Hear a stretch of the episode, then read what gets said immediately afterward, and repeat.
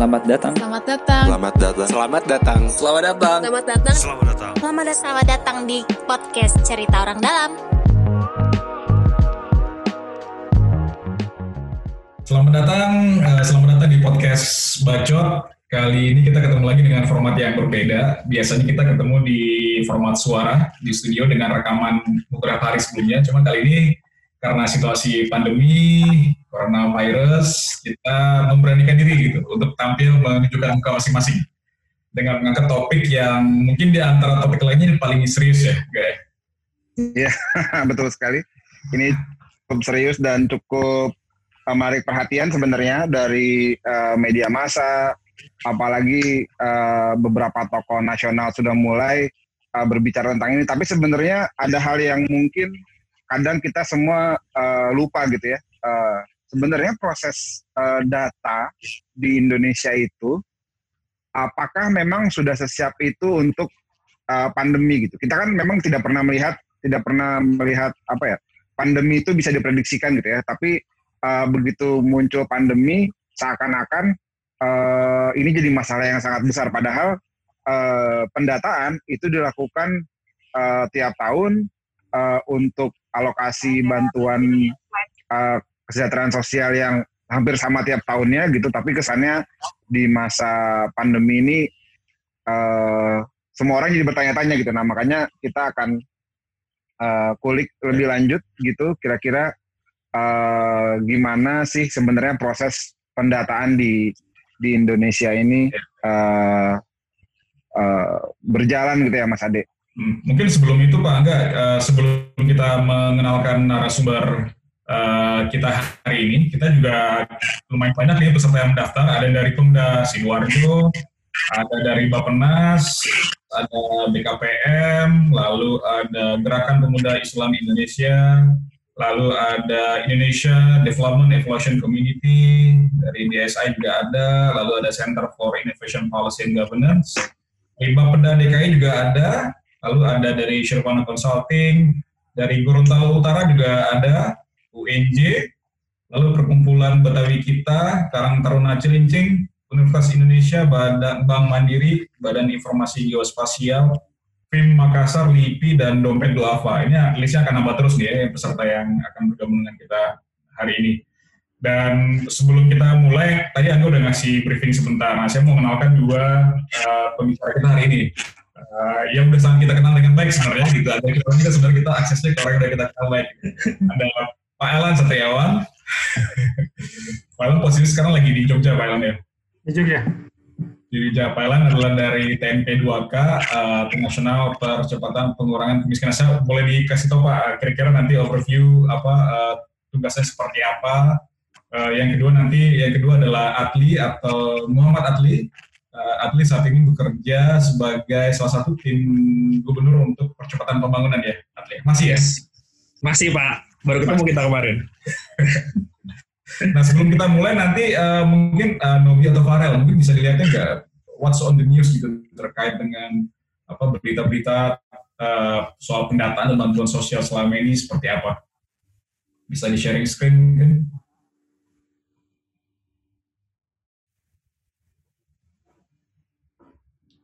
Ya Pak Farel.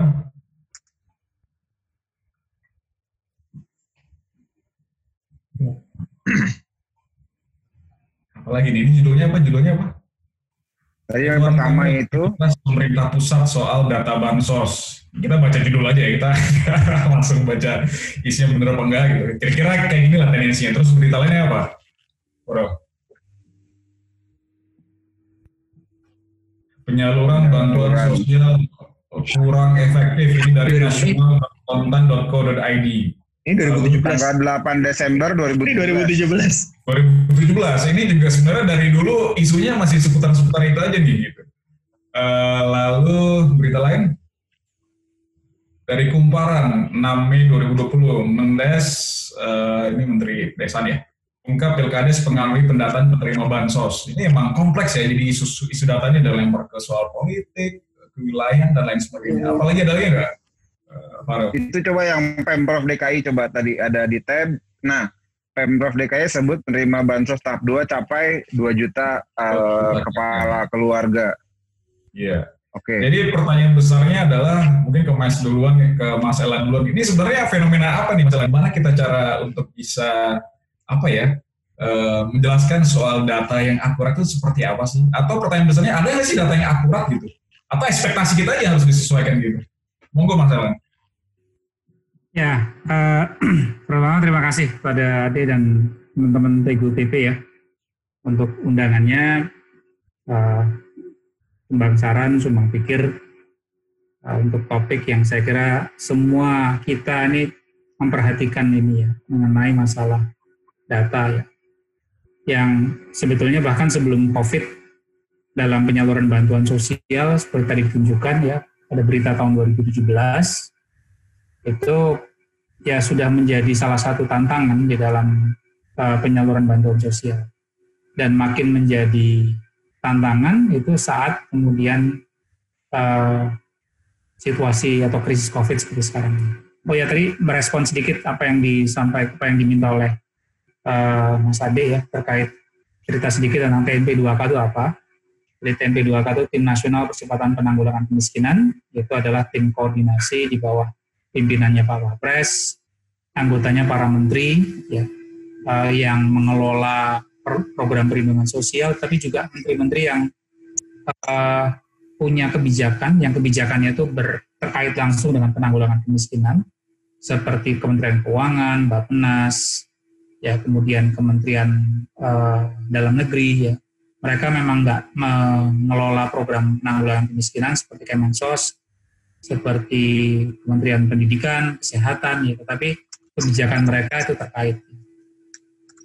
Ada 17 kementerian yang menjadi anggota TNP2K. Nah, kami di Sekretariat TNP2K, di kelompok kerja kebijakan, itu serving atau berfungsi sebagai think tanknya, policy think tank.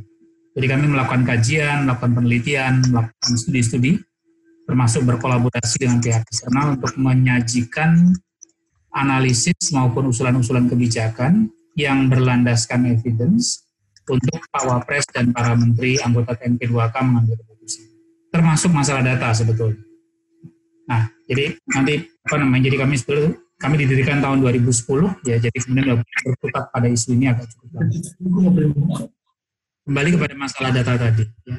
Jadi tadi pertanyaan terakhir dari saya kira yang lebih uh, bukan uh, apa namanya pertanyaannya ada nggak yang akurat?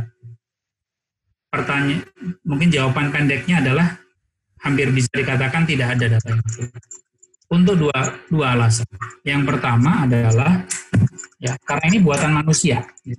Database semacam ini di banyak negara ini buatan manusia yang memang kemudian pasti ada error-error pada pengumpulan datanya, ada pada desain metodologi pengolahannya dan lain sebagainya. Jadi itu itu itu alasan pertama. Alasan kedua adalah bahwa yang namanya kesejahteraan itu dinamis sekali. Jadi orang yang kemudian mungkin tidak miskin tahun ini sehingga kemudian tidak masuk di dalam database, tahun depan bisa kemudian menjadi miskin. Kita nggak bicara COVID ya, kita nggak bicara krisis besar. Tapi kita bicara misalnya katakanlah kepala rumah tangganya sakit aja, seminggu nggak bisa kerja. Itu bisa aja kemudian menggeser ke bawah status kesejahteraan. Nah jadi kemudian sangat eh, apa namanya harus bisa dipahami bahwa kalau kemudian tiba-tiba ada anggota rumah tangga saya tuh miskin, tapi kok kemudian saya nggak dapat apa namanya eh, bantuan sosial, ya bisa jadi memang kemudian bisa karena kesalahan tadi pendataan atau kesalahan pengolahan data bisa jadi juga karena memang pada saat pendataan yang bersangkutan belum belum bisa dikategorikan atau belum uh, pantas, belum tidak tidak masuk kategori yang bisa masuk yang eligible untuk masuk database atau untuk menerima uh, program-program uh, penanggulangan kemiskinan atau program-program bantuan sosial. Nah, jadi pertanyaannya lebih kemudian kepada bagaimana kemudian kita meningkat selalu meningkatkan database kita meningkatkan akurasi. Nggak akan pernah sempurna, ya. Tetapi kemudian bagaimana kita meningkatkan. Nah, salah satu best practice-nya adalah kemudian dengan apa yang disebut dengan pemutakhiran dinamis. Jadi sebuah sistem database seperti yang kita miliki di Indonesia itu harus punya yang namanya pemutakhiran yang dinamis. yang bisa menangkap perubahan kesejahteraan itu secara dinamis. Dan yang kedua di, di negara lain itu ada yang kemudian disebut dengan on-demand application, on-demand system. Jadi kalau di negara-negara maju ya itu kita yang kemudian nggak masuk database tapi kita merasa sebetulnya eligible untuk masuk database atau menerima program sosial kita bisa daftar ya. jadi kita memang di data tapi kemudian karena kita tidak di data tidak, tidak kita bisa daftar kemudian dengan proses verifikasi, kalau memang kita eligible, kita masuk database dan menerima program perlindungan sosial. Nah itu yang kemudian harus kita lakukan di sini. Ya, untuk saat ini harus kita akui kita belum punya data seperti itu. Ya, nah yang membuat dalam situasi COVID ini kemudian datanya situasinya menjadi lebih complicated itu adalah karena sekarang pada tingkat nasional kita mengumpulkan data sampai 40% data. Ini data yang cukup besar comparatively dibandingkan dengan dengan negara lain itu sudah relatif cukup besar. Datanya mengandung kalau rumah tangganya sekitar 29 juta ya. Kemudian kalau individunya sekitar 96 97 juta. Bottom 40 persen. Kemiskinan kita itu kalau menurut kemiskinan resminya BPS sekitar 9,2 persen. Jadi ini empat kali lipatnya lebih. Ya, jadi karena memang kemudian ketika bicara sistem perlindungan sosial, kita bukan hanya bicara yang mereka yang miskin, kita bicara juga mereka yang rentan. Mereka yang nggak masuk kategori miskin, tapi kemudian nggak jauh-jauh dari garis miskin. Nah, sehingga database kita memang di, diangkat sampai kemudian 40%. Nah, tetapi dalam situasi seperti sekarang, ada orang yang bahkan pada, ini kan berarti desi, 40% itu desil 4 gitu ya. Kalau kita bagi 10 kesejahteraan kita, ada 10% pertama, desil 1, 10% kedua, desil kedua, sampai 10% yang paling atas. Nah, dalam situasi seperti sekarang COVID mungkin yang desil 5, desil 6 juga terpengaruh oleh COVID dan perlu dibantu. Tantangannya adalah mereka tidak ada tidak ada di database.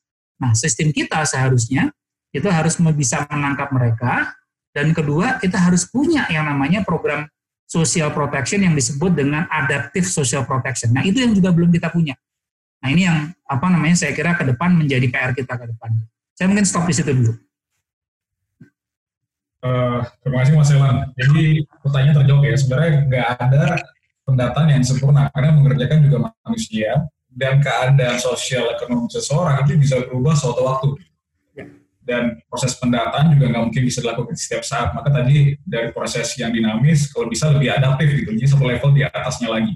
Uh, mungkin sebelum kita mulai untuk peserta lainnya, uh, saya saya yakin sudah punya banyak pertanyaan. Jadi mungkin uh, kita selesaikan 30 menit sesi diskusi. Setelah itu kita akan buka Q&A. Sembari itu jika ada pertanyaan juga bisa sebenarnya menchat. Uh, nanti ada tim kita yang mencatat pertanyaannya nanti dibahas setelah uh, sesi 30 menit berlalu. Nah, uh, clear ya. Jadi harapannya juga di mute uh, suaranya bagi yang tidak berbicara supaya tidak menggema ke diskusi kita. Kalau dari Pemprov DKI, Atli, ini gimana uh, kondisi pertanyaan pertama adalah kondisi pendataan kita seperti apa? Tadi Mas Elan bilang di nasional kita udah punya 40 persen, the bottom 40 persen of apa Indonesia itu ada datanya di TNP kita dan dikelola dan juga bisa di, di diserahkan ke pemerintah-pemerintah daerah lainnya. Nah kalau di DKI seperti apa nih Atli? DKI ini mungkin agak special case juga ya sebenarnya ya. Uh, Pak Elan mungkin udah overview dengan baik tentang kemiskinan di, di Indonesia dan data yang kita punya di Indonesia. Tapi Jakarta tuh special case karena dua hal. Satu, Jakarta tuh epicentrum COVID-19. Dan kita secara sektoral, itu kita kan sektor industri, jasa, hiburan, sektor tersier yang lebih terdampak COVID-19 daripada sektor seperti agrikultur, habis itu industri, dan seterusnya. Jadi efek ke Jakarta tadi, kalau kata Pak Elan, desil 5 sampai 6 turun ke bawah itu, itu mungkin lebih tinggi di Jakarta dari daerah lain. Kenapa? Karena tadi Jakarta dominasi sama sektor tersier kan, uh, food and beverage, rekreasi, hotel dan seterusnya. Itu sebenarnya ada ada research dan McKinsey yang bilang seperti itu. Jadi kalau kalau pusat itu turun ekonominya 4%, mungkin Jakarta turunnya bisa lebih tinggi, bisa beberapa belas persen. Jadi kalian di Jakarta satu lebih buruk, Kedua, tadi meskipun kita punya data desil 4, uh, di Indonesia desil 4, Jakarta ini bisa lebih luas lagi yang dibutuhkan untuk dibantunya. Oleh sebab itu, tadi problemnya bahwa kita punya data yang paling bawah ini udah ada nih, data 40% bottom Indonesia. Kalau Jakarta kan relatif kaya ya dibandingkan Indonesia. Jadi, untuk Jakarta 40% paling bawah Indonesia itu sekitar 10-11%. Nah, tapi kita tuh harus juga cover yang atasnya nih. yang atas itu yang kalau kita ngomong data sedikit ya boleh yang 40% itu itu kayak supir Gojek, habis itu pekerja UMP, itu masih masuk desil 4 loh kalau di Jakarta. Jadi bahasanya orang-orang yang mungkin kerja di restoran sekarang dipaksa berhenti. Mungkin karyawan di mall sekarang dipaksa udah keluar. Itu datanya agak susah dan masih harus selalu diproses, ya kan? So, yang kita lakukan waktu, mungkin ini sedikit sneak juga, kan itu ya, kita tadi banyak berita tentang penerima bansos mungkin 2 juta, sebelumnya 1,2 juta, dan seterusnya kita memberikan bantuan menggunakan data yang ada, ya, yang existing tadi data yang Elan berikan tadi namanya PDT ya, data Fulton 40% tersebut, digabung beberapa data lain yang kita punya. Data well data penerima kartu Jakarta Pintar, data pegawai yang ter PHK, dan seterusnya kita coba gabungan data-data tersebut. Nah, dapatlah penerima yang 1,2 juta tadi. Cuma ya memang pastilah tadi data tidak ada yang sempurna, apalagi data yang diambil dan dibuat saya untuk menanggapi krisis COVID-19 ini. Karena kan kita nggak bisa bilang bahwa Gojek, UMKM itu pegawai mall itu nggak terdampak. Mereka mungkin sebenarnya nggak miskin, tapi karena COVID-19 ini tadi seperti dibilangin jatuh. Itu kan harus kita kita bantu juga kan. Dan jujur aja kalau kita bicara di saat case seperti ini kita bicara speed versus akurasi ya, akurasi lawan speed. Uh, Pemprov DKI di saat seperti ini kita speed itu of the essence. Kecepatan itu penting sekali untuk membantu. Kenapa? Karena orang itu kalau kena income shock atau kena krisis, itu bisa aja yang sebelumnya temporary atau sementara. Jadi misalnya pendapatan berkurang, aku berarti susah makan, mungkin nggak bisa bayar kontrakan dan seterusnya. Itu kan mungkin kalau pendapatan aku kembali, jadi aku udah bisa kerja lagi dan seterusnya, itu bisa kembali ke level sebelumnya. Tapi bisa juga jadi permanen. Jadi misalnya saya supir Gojek, karena kena COVID-19 terpaksa jual motor. Kalau saya udah jual motor, saya nggak bisa jadi supir Gojek lagi dong. Pendapatan saya berkurang dong setelah krisis selesai. Jadi penting sekali untuk respons secepatnya, dan itu kenapa itu Pemprov Jakarta mengerjakan itu. Kita respons secepatnya, meskipun tadi akurasinya mungkin tidak sempurna. Kita bisa sebaik mungkin, tapi mungkin tidak sempurna. Tapi on progress juga sambil jalan, kita bisa perbaiki datanya. Cara perbaiki gimana? Ada pendataan dari RT, RW, jadi RW juga mendata, bisa mendata dan diverifikasi lagi. Ada juga data-data yang baru masuk seperti data supir Gojek, supir taksi, kita mulai compile, mulai mulai kontak dengan eh, lembaga-lembaga, uh, dengan organisasi-organisasi yang asosiasi-asosiasi untuk mengecek mereka punya data apa, kita coba kita datanya kemudian kita verifikasi. Jadi bahasanya yang kita berusaha lakukan adalah kita memberikan dengan data yang ada, semua data yang ada kita coba himpun, bantu, sambil kita memberikan bantuan, kita terus-menerus berusaha memperbarui data. Tadi uh, iterasinya, the best is iteration ya, iterasi. Nggak ada yang sempurna, karena kita terus iterasi. Tapi di saat COVID-19 seperti ini, iterasi harus sangat cepat dan seakurat mungkin. Which kita coba lakukan, tapi kembali tadi, speed itu of the essence ya. Lebih baik ada orang mampu yang dapat daripada ada orang nggak mampu yang jadi nggak dapat karena kita hati-hati sekali. Uh, mungkin kurang lebih seperti itu. Tentu saja kita berusaha minimalisir hal seperti itu. Kita punya cara buat kalau mereka yang mampu ya sudah bantuan bisa dibalikan bisa di bisa dicoret kemudian dan seterusnya tapi uh, kurang lebih seperti itu. Monggo. Uh, saya tambahin sedikit ya. Monggo, Pak. Ya, jadi 40% tadi yang bottom 40% yang saya bilang sekarang ada di database-nya Kementerian Sosial itu 40% nasional. Tidak berarti bahwa kemudian 40% itu setiap daerah 40%. Karena memang 40% ini bottom 40% ya yang katakanlah uh, ranking di ranking di eh, uh, 20 itu belum tentu kemudian di DKI sebetulnya ranking 20 dia bisa aja kemudian ranking uh, paling bawah gitu ya. Nah, jadi 40% itu adalah rata-rata nasionalnya ya. Sementara per daerahnya bisa jadi kemudian beda-beda gitu. Contohnya kemudian kalau DKI tingkat kemiskinannya sekitar 3,57 ya. Jadi datanya kemudian tuh DKI yang diperoleh dari DKI itu cuma bottom 8%, 10% paling gitu. Ya.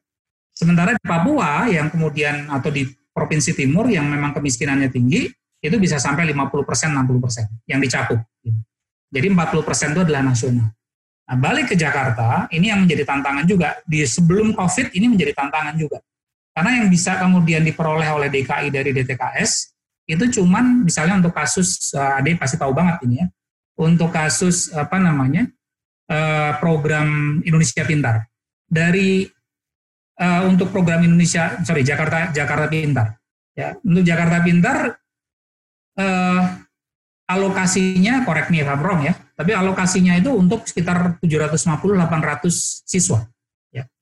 Tetapi yang bisa disediakan oleh DTKS cuma 250 ribu, nggak sampai 300 ribu. Ya karena memang kemudian DTKS hanya bisa, hanya kemudian terbatas untuk DKI mengumpulkan mereka-mereka yang eligible untuk masuk data data uh, DTKS ini. Nah, sehingga apa yang harus dilakukan oleh DKI? DKI kemudian harus melakukan pendataan sendiri. ya. Nah, memang bahkan sebetulnya uh, dalam situasi normal pun DKI seharusnya harus punya sistem pendataan tersendiri terpisah dari yang kemudian dilakukan oleh Kemensos ya untuk mengembangkan database sendiri. Ya karena memang kemampuan DKI lebih daripada kemampuan Eh, rata-rata uh, provinsi lain ya. Dan itu yang tadi saya sebut gitu. Sistem seperti on demand sistem, sistem on demand ya, di mana orang bisa daftar dan ini sudah sudah kita uji cobakan sebetulnya. Hingga kemudian dipastikan digunakan terus dan ini makin relevan ketika kita menghadapi Covid sekarang. Ya karena menunggu pendaftaran dari uh, top down pendaftaran dan situasi seperti ini itu repot sekali ya. Nggak akan kemudian menangkap semua. Pemerintah DKI harus membuka ya model pendaftaran tapi kemudian nggak setiap orang yang daftar dapat gitu. Harus kemudian disertai dengan sistem verifikasi yang cepat tapi akurat tadi. Saya. Baik, baik. Uh, terima kasih Mas Ella. Atli, nanti sebelum Anda uh, ini pengalaman di lapangan nih Mas Ella dan Atli. Ketika ada dispute misalnya terkait siapa yang berhak menerima di bawah, itu kadang diserahkan kepada orang yang dianggap paling tahu kondisi di lapangan yaitu biasanya ketua RT atau ketua RW. Dalam uh, provinsi lain ada kepala desa. Tapi gimana caranya ya untuk menghindari bias? Karena kalau kita tahu juga dalam metode pendataan itu nggak bisa dilihat dengan mata telanjang. Harus ada indikator-indikator yang tertulis dan dikuantifikasi. Gimana nih mungkin pengalaman dari Mas Elan dan Atli untuk hal-hal yang seperti ini? Uh, menghilangkan bias dari penyelesaian dispute terkait data di lapangan. Oke, kita pengalaman sebetulnya sejak 2005. Ya. Jadi 2005 dulu, ya, itu untuk pertama kali kita merasa perlu punya database. Ya. Pemerintah SBY sama pemerintah, jadi pemerintah SBY JK pada waktu itu untuk pertama kali memutuskan karena tekanan minyak harga minyak dunia ya, uh, memberi tekanan pada fiskal, pilihannya nggak banyak, kecuali kemudian melakukan pemotongan subsidi BBM. Nah, tetapi yang juga di, sudah diantisipasi adalah kalau subsidi BBM dipotong, itu yang kemudian merasakan dampaknya paling besar itu adalah kelompok miskin dan. Jadi keputusannya pada waktu itu adalah bagaimana kemudian memberikan program, juga meluncurkan program kompensasi. Jadi pemotongan subsidi BBM dilakukan, kemudian ada program kompensasinya. Muncullah pada waktu itu yang namanya BLT. Nah keputusannya perlu dilakukan cepat tetapi kita belum punya database ya karena sebelum tahun 2005 ya mulai jam apalagi zaman orde baru kita nggak punya nih model-model program bersasaran seperti ini. Karena pertama anggarannya masih cukup banyak ya untuk penanggulangan kemiskinan atau sebenarnya nggak ada istilah penanggulangan kemiskinan pada waktu itu. Tapi program-program berbasis masyarakat itu masih cukup banyak. Yang kedua kemiskinannya di mana-mana sehingga kemudian ya udah sebar aja uangnya. Ya, nah tapi kemudian ketika setelah apa namanya 2000-an era 2000-an resource-nya makin sedikit sehingga kemudian makin perlu diarahkan kepada memang kelompok miskin dan rentan, kelompok yang membutuhkan. Nah, sehingga kemudian terkait dengan keputusan yang perlu diambil tahun 2005 itu diperlukan database. Nah, perlunya cepat gitu. Akhirnya kemudian perintah dari Pak JK pada waktu itu adalah kemudian memerintahkan BPS dalam kurun waktu tiga bulan, dua tiga bulan harus datanya jadi. Which is nggak mungkin kalau kemudian mikir metodologi yang benar. Ya, tetapi memang keputusan itulah pemerintah gitu. Kita yang di pemerintah pasti mengetahui kalau kemudian dikasih apa namanya dikasih tugas dari atasan, ditanya dudetnya, dudetnya sebetulnya minggu yang lalu gitu kan. Ya bukan cuma bulan depan atau tapi minggu yang lalu, artinya harus cepat gitu. Nah, sehingga BPS yang dilakukan pada waktu itu adalah kemudian meminta input dari meminta input dari kepala desa. Jadi meminta kepala desa kemudian nyetor nama. Ya. Akibatnya apa? Akibatnya memang kemudian ya anecdotal evidence-nya kita dengar bahwa banyak saudara banyak yang kemudian memang berhak Tetapi kemudian karena memang kepala desa tidak dibekali ya oleh skill untuk mengidentifikasi, tidak di training secara mencukupi, akhirnya kemudian ngambilnya ya sebagian keambil juga saudara-saudaranya. Gitu. Nah metodologi ini yang kita perbaiki di 2011. Ketika TNP 2K di 2010 terbentuk, tugas pertamanya antara lain membangun database dengan metodologi yang bisa dipertanggungjawabkan. Jadi kita mengenal dalam targeting itu ada ber, ada ada model targeting yang kita top down seperti yang sekarang kita lakukan, tetapi juga ada yang dinamakan dengan community targeting. Masing-masing sebetulnya punya kelebihan, masing-masing punya plus minus. Ya, plus minusnya misalnya kalau community targeting itu kok apa namanya targeting yang dilakukan pada level komunitas itu orang bisa masyarakat lokal bisa menggunakan standar lokalnya kemudian bisa lebih melihat situasi yang memang mereka hadapi keseharian. Makanya keunggulannya untuk community targeting ini adalah untuk melihat mereka yang very poor.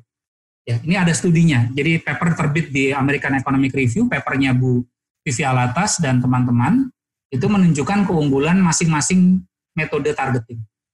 Nah, tetapi juga ada isu atau ada potensi isu mengenai tadi eh, apa namanya elite capture kepala desa mau masukin saudaranya gitu.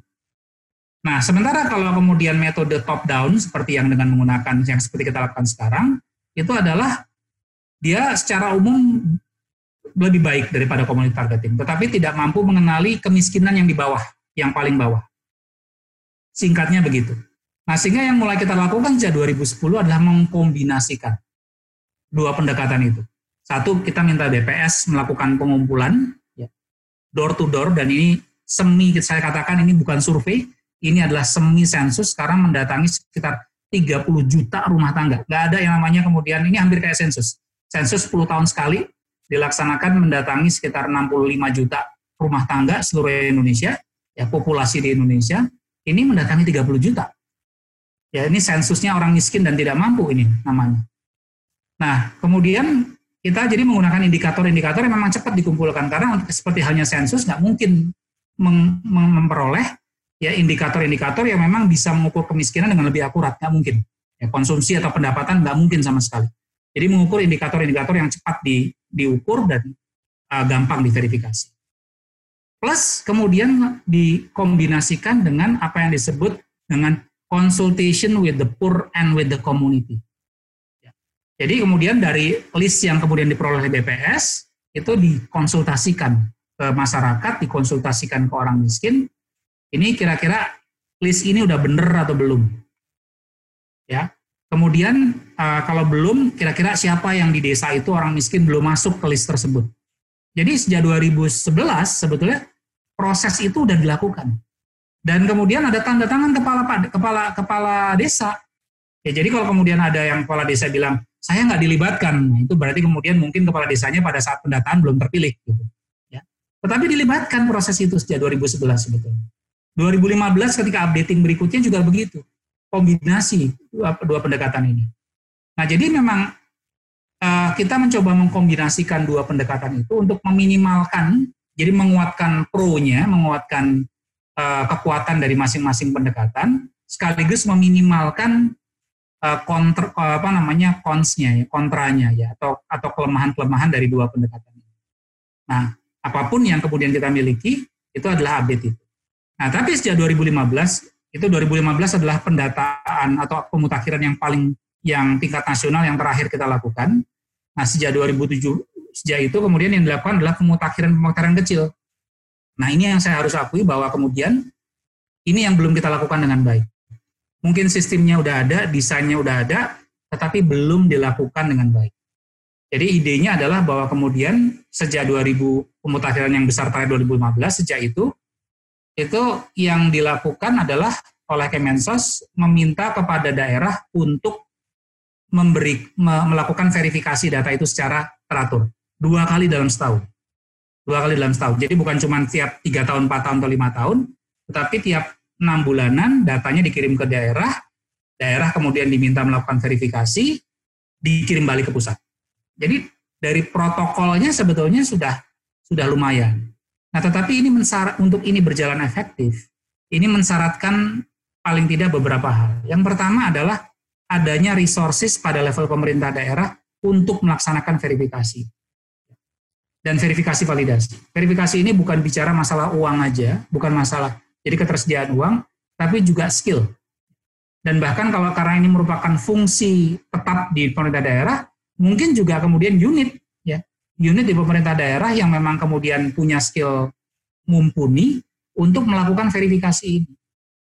Dan kalau ini bisa dilakukan, ini bukan hanya bermanfaat buat pemerintah pusat, tetapi bermanfaat juga buat pemerintah daerah. Karena seperti contoh DKI tadi, banyak program-program pemerintah daerah, program bantuan sosial pemerintah daerah yang nggak cukup datanya di, di apa namanya, yang datanya itu tidak bisa dicukupi oleh DTKS, oleh datanya pemerintah pusat.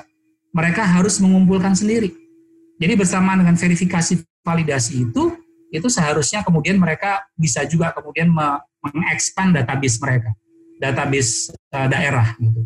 Dan ini yang harus dilakukan bukan hanya bukan hanya oleh Jakarta, tapi juga oleh wilayah-wilayah lain. Dan sah gitu ya, boleh pemerintah daerah itu dan ini terbukti sekarang ya pada saat Covid, pemerintah daerah sejauh melakukan menggunakan dana APBD boleh menggunakan data mereka sendiri selain datanya data pusat ya. Kalau mereka mau menggunakan data pusat boleh, tetapi kalau mereka kemudian pengen menggunakan data sendiri boleh. Untuk paling nggak dua alasan. Yang pertama seperti kasus DKI, nggak cukup DTKS memberikan uh, kuota kuotanya nggak cukup dipenuhi oleh data pusat. Kedua, ada situasi kemiskinan atau kesejahteraan yang lokal yang kemudian nggak bisa diperoleh dari variabel-variabel yang ada di DTKS. Sehingga kemudian harus unik Nah, sehingga kemudian harus dikumpulkan oleh daerah sendiri. Ya. Nah, kalau itu bisa dilakukan, maka kemudian ini bukan hanya menjadi upaya apa meningkatkan kesejahteraan termasuk mengadres permasalahan-permasalahan yang sekarang kita hadapi karena Covid ini, itu bisa ditangani bukan hanya oleh resource pusat, tapi juga oleh resource daerah. Siap. Itu ada. Baik. Uh, Angga? Siap. Ya.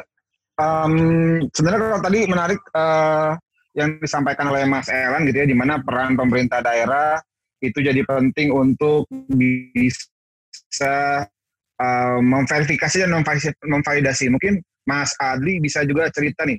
Uh, saya ingat saya dulu Pemprov tuh di awal sempat punya MPM. Uh, terus kemarin-kemarin itu juga ada pendataan uh, dari Dasawisma PKK gitu yang dilakukan hmm. oleh kader Dasawisma ke rumah-rumah di DKI Jakarta uh, ke warga DKI Jakarta. Kira-kira itu bisa jadi apa ya? Bisa jadi dasar nggak ya atau atau atau meluruskan apa yang menyampaikan apa yang disebutkan Mas uh, Pak Elan oh. tadi gitu. Bisa dan sebenarnya ya. mungkin sudah dan sebenarnya sudah uh, cuma proses lah bahasa proses. Jadi sebenarnya kita di Pemprov itu sendiri itu bahkan adalah salah satu kalau kita sebutnya namanya kegiatan strategis daerah KSD kegiatan saya daerahnya salah satu itu integrasi bantuan sosial. Sebenarnya integrasi bantuan sosial ini apa sih sebenarnya? Integrasi datanya, integrasi programnya, dan integrasi penerimanya bahasanya. Jadi kalau ini kalau dibilang bahwa pembawaan datanya, bahkan unit terpadunya sendiri di Jakarta udah ada, baru dibentuk tahun 2018 akhir kalau saya nggak salah.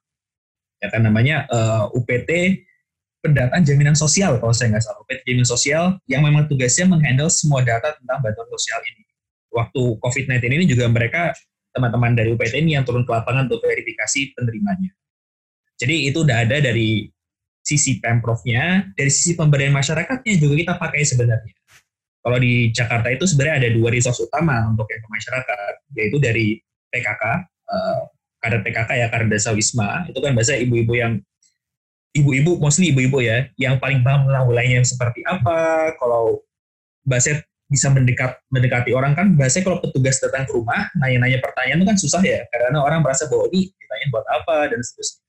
Tapi kalau nanya tetangganya sendiri ya kan dan kita manfaatkan ibu-ibu tersebut kita gunain itu bisa bisa dan itu sangat mungkin dan itu sudah dilakukan dari situ kita dapat 7 juta data plus data dari DTKS tadi plus data lainnya dari seperti pajak dan seterusnya digabungkan jadi kalau mengatakan bahwa Jakarta punya resource lebih, benar kita punya resource lebih.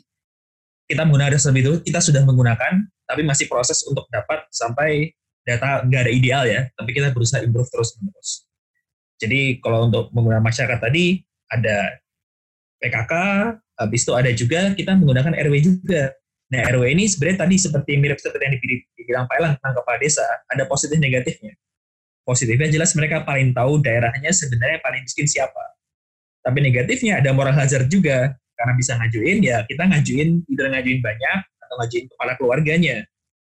Ya kan, ini yang kita lakukan sebenarnya waktu pendataan COVID ini kenapa kita dapat data, kemudian kita bisa terus modifikasi itu dengan manfaatkan teman-teman dari RW, karena mereka bisa beroperasi dengan waktu singkat ya. Dengan waktu singkat dengan keadaan COVID-19 sehingga mobilitas terbatas, kita menggunakan mereka.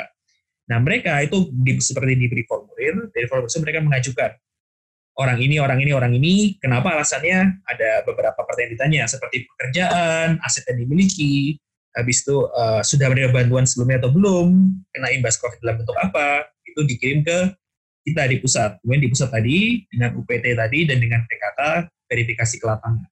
Jadi uh, proses interaksi data terjadi seperti itu untuk di Pemprov DKI Jakarta. Kita bos ya kita menggunakan yang top down, top down dari data-data yang ada di Pemprov sendiri, data-data yang kita himpun dari banyak organisasi seperti Project, habis itu nelayan, uh, asosiasi UMKM, dan uh, bottom up, bottom up dari RW dan dari kader-kader PKK Desa Wisma. Jadi combine combination lah kurang lebih seperti itu. Siapa yang mengagregatkan? Data yang mengagregatkan ada dua. Satu tadi UPT khusus untuk data Jamsos dan kedua Kominfotik sebagai uh, pusat pusat server data di tingkat paper. Jadi yang gabungin dari semua SKPDLM itu ke Kominfotik, sementara data dari bawah tadi masuk ke UPT Jamsosnya Dinas Sosial di Jakarta.